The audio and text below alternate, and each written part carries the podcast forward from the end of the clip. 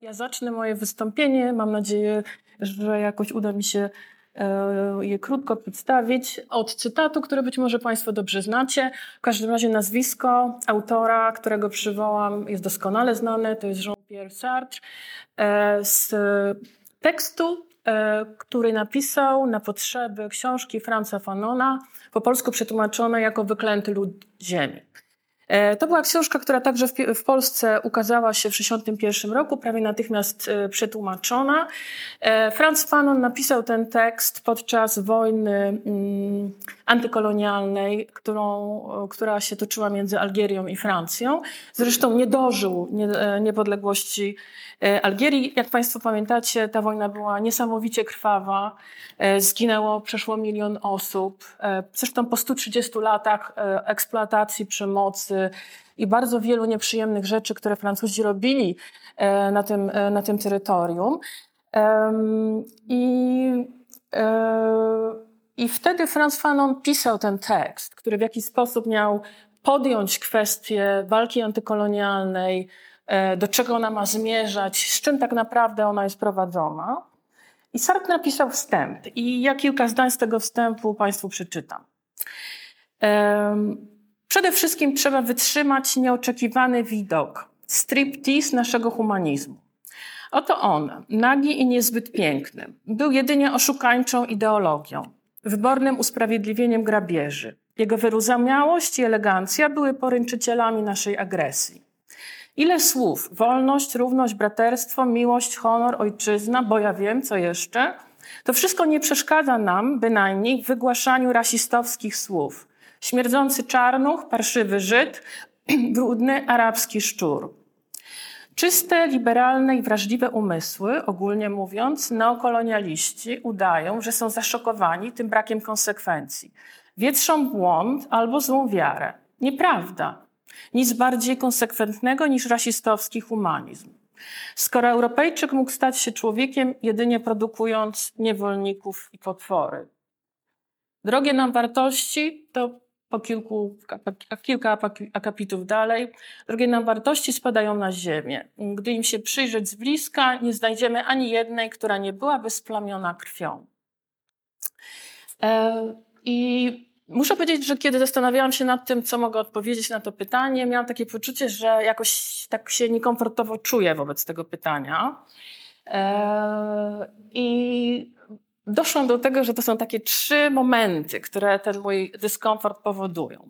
Jeden oczywiście wiąże się z tym, co już się tutaj w dyskusji pojawiło, to znaczy, no właśnie, czym jest ten humanizm, jak go definiujemy, co to w ogóle jest za pojęcie i pewnie e, ja osobiście poruszam się w takich regionach filozoficznych, w których to słowo humanizm E, tak e, jakoś prostolinijnie używane nie jest. Tak? To znaczy raczej to są takie terytoria, na których używa się słów posthumanizm, antyhumanizm, tak? na przykład w Foucaultowskim wydaniu, tak?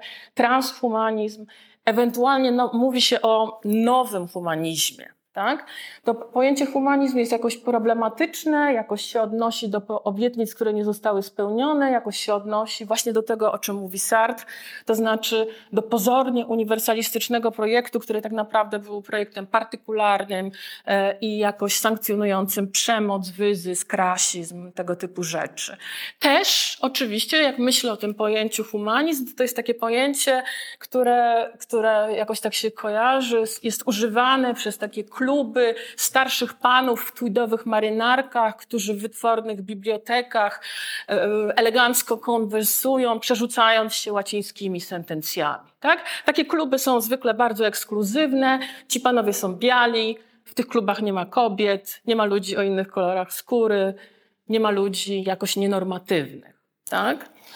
E, I to jest ten jeden powód, dla którego to moje pytanie, w którym pojawia się humanizm, to, to, to, to moje takie ustosunkowanie się do tego pytania było jakieś takie właśnie, um, coś, coś mi tu nie pasowało. Tak? Ale jeszcze inna fraza. W czasach braku humanizmu, właściwie e, znowu, tak? To jest taka fraza, która odsyła do poczucia, że doświadczamy jakiegoś kryzysu, czyli w gruncie rzeczy to, to, co, co Pan poruszył, że, że żyjemy w jakimś czasie innym niż wcześniej, że kiedyś było inaczej, było lepiej, że, że tu jest jakieś wyobrażenie dawnych, lepszych czasów, jakiegoś złotego wieku. I to jest właśnie pytanie, dla kogo było lepiej, tak? To znaczy, e, czy rzeczywiście ta, ta sytuacja jest kryzysowa, tak? Komu się pogorszyło, a komu jest cały czas tak samo źle, tak? I myślę, że, że to jest absolutnie zasadne pytanie. No i ostatni, ostatnia wątpliwość, tak? E, to w tym pytaniu, jakbym miała sobie zadać właśnie to pytanie, jak być humanistką, humanistą, tak? W, e, w takich czasach, tak? Jakby takie, e, jakaś sugestia oddalenia, dystansu, że jakoś my jako humaniści do tych czasów jak gdyby nie należymy, to znaczy patrzymy jakoś z metapoziomu, tak, że coś chronimy przed tym złym czasem. I to jest znowu pytanie, czy ci humaniści, tak, ten humanista to jest taki ktoś właśnie w taki sposób oddzielony od tego złego świata, tak? No oczywiście ja doskonale rozumiem, co podyktowało to pytanie. Ono jest bardzo aktualne, bo jakby kontekstem jest wojna w Ukrainie, także ta bliskość tej wojny, okrucieństw z nią związanych, także oczywiście napływ uchodźców, także oczywiście kryzys, tak, także w ogóle wzmożenie takie ideologiczne, e, które, e, które mm, jakby przynosi jakieś motywy, które znamy z przeszłości i wiemy, że one przyniosły e, w przeszłości zło. Myślimy też oczywiście oczywiście o kryzysie klimatycznym, tak, energetycznym, skutkach pandemii. E, I to wszystko jest jakby tłem, w którym takie nostalgiczne pytania e, jakby się rodzą. Ale e, ja myślę, że to, co w tym kontekście jest najistotniejsze, tak, to znaczy w jakim sensie to pytanie mogłabym, mogłabym uznać za prowadzące do czegoś wartościowego? To znaczy, musiałoby ono dotyczyć właśnie tego, co w humanizmie było nie, nie, niespełnioną obietnicą. To znaczy, e, co mogłoby sprawić, żeby on nie był fasadą, tak? E, I poszukiwanie tego, tej odpowiedzi tak? co jakby od jakiegoś zadania odzyskania humanizmu, e, chyba się dodatkowo komplikuje w kontekście wojny z Ukrainą. Tak? I chciałam na ten temat e, powiedzieć, e, powiedzieć jeszcze kilka słów. I oczywiście z jednej strony można powiedzieć, że ta diagnoza Sartra, którą z cytatu, tutaj w cytacie zawartą, e, przytoczyłam, że ona w jakiś sposób jest, dotyczy odległych czasów. E, ten moment dekolonizacyjny się e, zakończył, to jest jakby historia sprzed iluś dekad, ale oczywiście obserwując ten świat, jakby chociażby z ostatnich lat, widzimy, że w gruncie rzeczy dekolonizacja się toczy, tak? Czyli rok 2020, śmierć George'a Floyda, e, zamordowanego przez białego policjanta e, i protesty, masowe protesty w Stanach Zjednoczonych, które także reperkusje, jakby jakieś tutaj e, kontynuacje mieliśmy do czynienia także w Polsce. E, mamy oczywiście tak, jakby sam francuski kontekst. Francuzi do dzisiaj się nie uporali z kolonialną swoją przemocą. Tak? Więc jakby to jest ciągle motyw, w którym, w którym oni funkcjonują. I oczywiście w jakiś sposób to, o czym mówi Fanon w książce i do czego odnosi się Sartre, czyli historia kolonialna, jakby jest z nami obecna, choćby pod postacią napływających tak, jakby kolejnych grup uchodźców ze świata pozaeuropejskiego. E, to wszystko jakby pokazuje, że w, tym w tych problemach takim stałym motywem jest kwestia rasy. Rasy, rasizmu, czyli dzielenia ludzi na mniej i bardziej wartościowych. Tak? Jakby ten kryzys z humanizmem, ten problem z humanizmem polega na tym, e, że ludzie są nietraktowani jako jakby równoprawni. Tak? E, no i oczywiście e, tu się pojawia dodatkowy problem w przypadku Ukrainy. Dlaczego? Dlatego, że my możemy, e, znaczy jesteśmy w takiej sytuacji, że Mamy jakieś ideały humanistyczne, które są poddane bardzo silnej krytyce i chociażby właśnie ta mm, antykolonialna taka, ta, taka oś tej krytyki to bardzo dobrze pokazuje. A z drugiej strony, czyli mamy, e, mamy ten bardzo osłabiony projekt humanistyczny, zakwestionowany z bardzo wielu różnych stron, tak?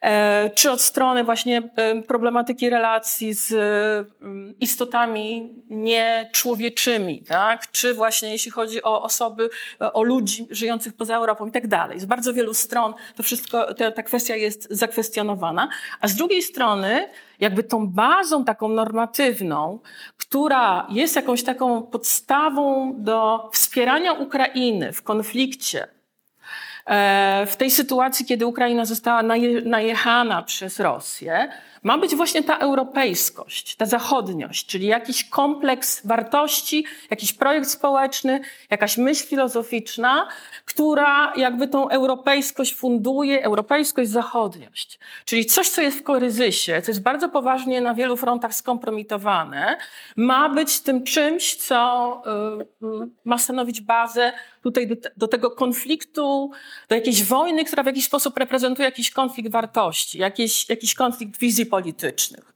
E, no i oczywiście na tym polega jakby trudność. Tak? Ja widzę, że ta trudność odzwierciedla się na przykład w czymś takim, że w środowiskach, które przyjmują tą bardzo taką ostrą e, optykę antykolonialną, taką w ducha, z ducha startrowskiego, E, czy Fanonowskiego formułowaną, że te środowiska bardzo często mają problem z jednoznacznym poparciem Ukrainy. To znaczy, tak silna jest antyzachodniość w tym myśleniu, e, że e, jednoznaczne poparcie Ukrainy często jakby kojarzone jest z popieraniem tych różnych złych rzeczy w tradycji europejskiej. I to widać chociażby po zachodniej lewicy. Tak? To są te dyskusje e, dotyczące właśnie postawy wokół, wobec, e, wobec tej wojny. E, to także widać w polskim kontekście, gdzie, gdzie ludzie jakby mają problem, jakby jak to wszystko ułożyć kiedy to, w sytuacji, kiedy to jest tak bardzo skomplikowane. Inna rzecz e, to jest to, co też się pojawiło już wcześniej, to znaczy e, jak wobec wojny w Ukrainie, e, jakby z pozycji pozaeuropejskich się ustosunkowywać. I tutaj wiemy, że, że Jeden, jedna, jeden wymiar problemu to jest oczywiście polityczny, e, czy wręcz ekonomiczny, e, różnorakie powiązania pomiędzy krajami e, pozaeuropejskimi a Rosją, która ciągle jest postrzegana z wielu różnych odległych miejsc przez pryzmat Związku Radzieckiego i tego projektu globalnej solidarności pomiędzy drugim i trzecim światem. E, mimo tego, że jakby ten projekt dawno rozwiał się w powietrzu, e, ta optyka gdzieś tam istnieje, tak? Jakby kiedy się rozmawia ludźmi, z ludźmi z Afryki, z Azji, e, spoza Europy, tam jakby to dziedzictwo um, takiej właśnie, można powiedzieć, antyrasistowskiej, humanistycznej e, ideologii, która w jakiś sposób e, e, jakby fundowała tamte, tamte powiązania, że ono gdzieś tam ciągle istnieje. Tak? Są ludzie, którzy studiowali e, w bloku wschodnim, a e, e, tak, są akademikami, politykami, nie wiem, ważnymi postaciami funkcjonującymi w tamtym, w tamtym czasie. Jest wielu lekarzy, tak? wielu jakby, jakby te powiązania, mimo tego, że zakończyły się w 1989 roku, one istnieją. Więc jakby to, że trzeci, tak zwany trzeci świat, ten dawny trzeci świat, tej frazy już nie używamy, ma problem z ustosunkowaniem, znaczy z jednoznacznym poparciem Ukrainy, oczywiście wiąże się z tymi ciemnymi stronami tej, e, tej niespełnionej obietnicy e, europejskiego, europejskiego humanizmu. I oczywiście w tym kontekście no, pojawia się pytanie, jakby tak, jakby gdzie tu się ruszyć, tak? To znaczy, z jednej strony e, to jest tak bardzo zakwestionowana tradycja, a z drugiej strony tak bardzo potrzebna, tak? E, no, i, no, no i z całą pewnością, tak? I e, jest tu problem z znalezieniem tej odpowiedzi i jakieś gdzieś tu się poruszamy pomiędzy takimi biegunami e, e właśnie z jednej strony tej krytyki, tej pseudo-uniwersalistycznego e, mm, projektu europejskiego czy zachodniego, e, a z drugiej strony, i to też jest często problem, jakieś takie fascynacje, czy chociażby pobłażliwość wobec różnego rodzaju religijnych czy nacjonalistycznych form antywesternizmu. Tak? I to bardzo różne religie w to się e, angażują. E, I w gruncie rzeczy to, z czym jesteśmy skonfrontowani w przypadku wojny e, w Ukrainie, w gruncie rzeczy jest czymś takim, tak? Takim imperialistycznym, nacjonalistycznym, religijnym projektem, tak? Rosyjskim. I w związku z tym to jest bardzo coś, coś, coś skomplikowanego, tak? Czyli ja mam takie poczucie, że, że ja to pytanie, tak, wydaje mi się, że ono mm, jakby swoją taką najpoważniejszą wartość ma dla mnie wtedy, kiedy kieruje mnie e, właśnie w kierunku tego myślenia, tak? Z tą, z tym z tą całą odpowiedzialnością e, i poczuciem, do czego ten, ten, ten humanizm, znaczy, dlaczego on jest tak ważny, tak? I z tego powodu musiałabym powiedzieć, że, um, że wszystkie te projekty, które biorą pod uwagę tą, tą anty, na przykład antykolonialną krytykę, która mnie szczególnie interesuje, i mimo wszystko starają się kierować myśl w kierunku tworzenia właśnie jakiegoś nowego humanizmu. W gruncie rzeczy Franz Fanon, któremu e, przyklejono jakąś taką gębę przemocowca, e, był kimś takim. Tak? On mówił o, o nowym humanizmie, który jest potrzebny e, do, do zbudowania na ruinach tego, tej, tego czegoś, co było tą kpiną z humanizmu zaproponowaną światu pozaeuropejskiemu przez e, europejskich kolonizatorów. E, więc e, i na tym bym zakończyła, tak? To znaczy tak tu widzę, że jakby dla mnie kierunek odpowiadania na trochę przeformułowane pytanie e, musiałby być jakiś, jakiś właśnie tak,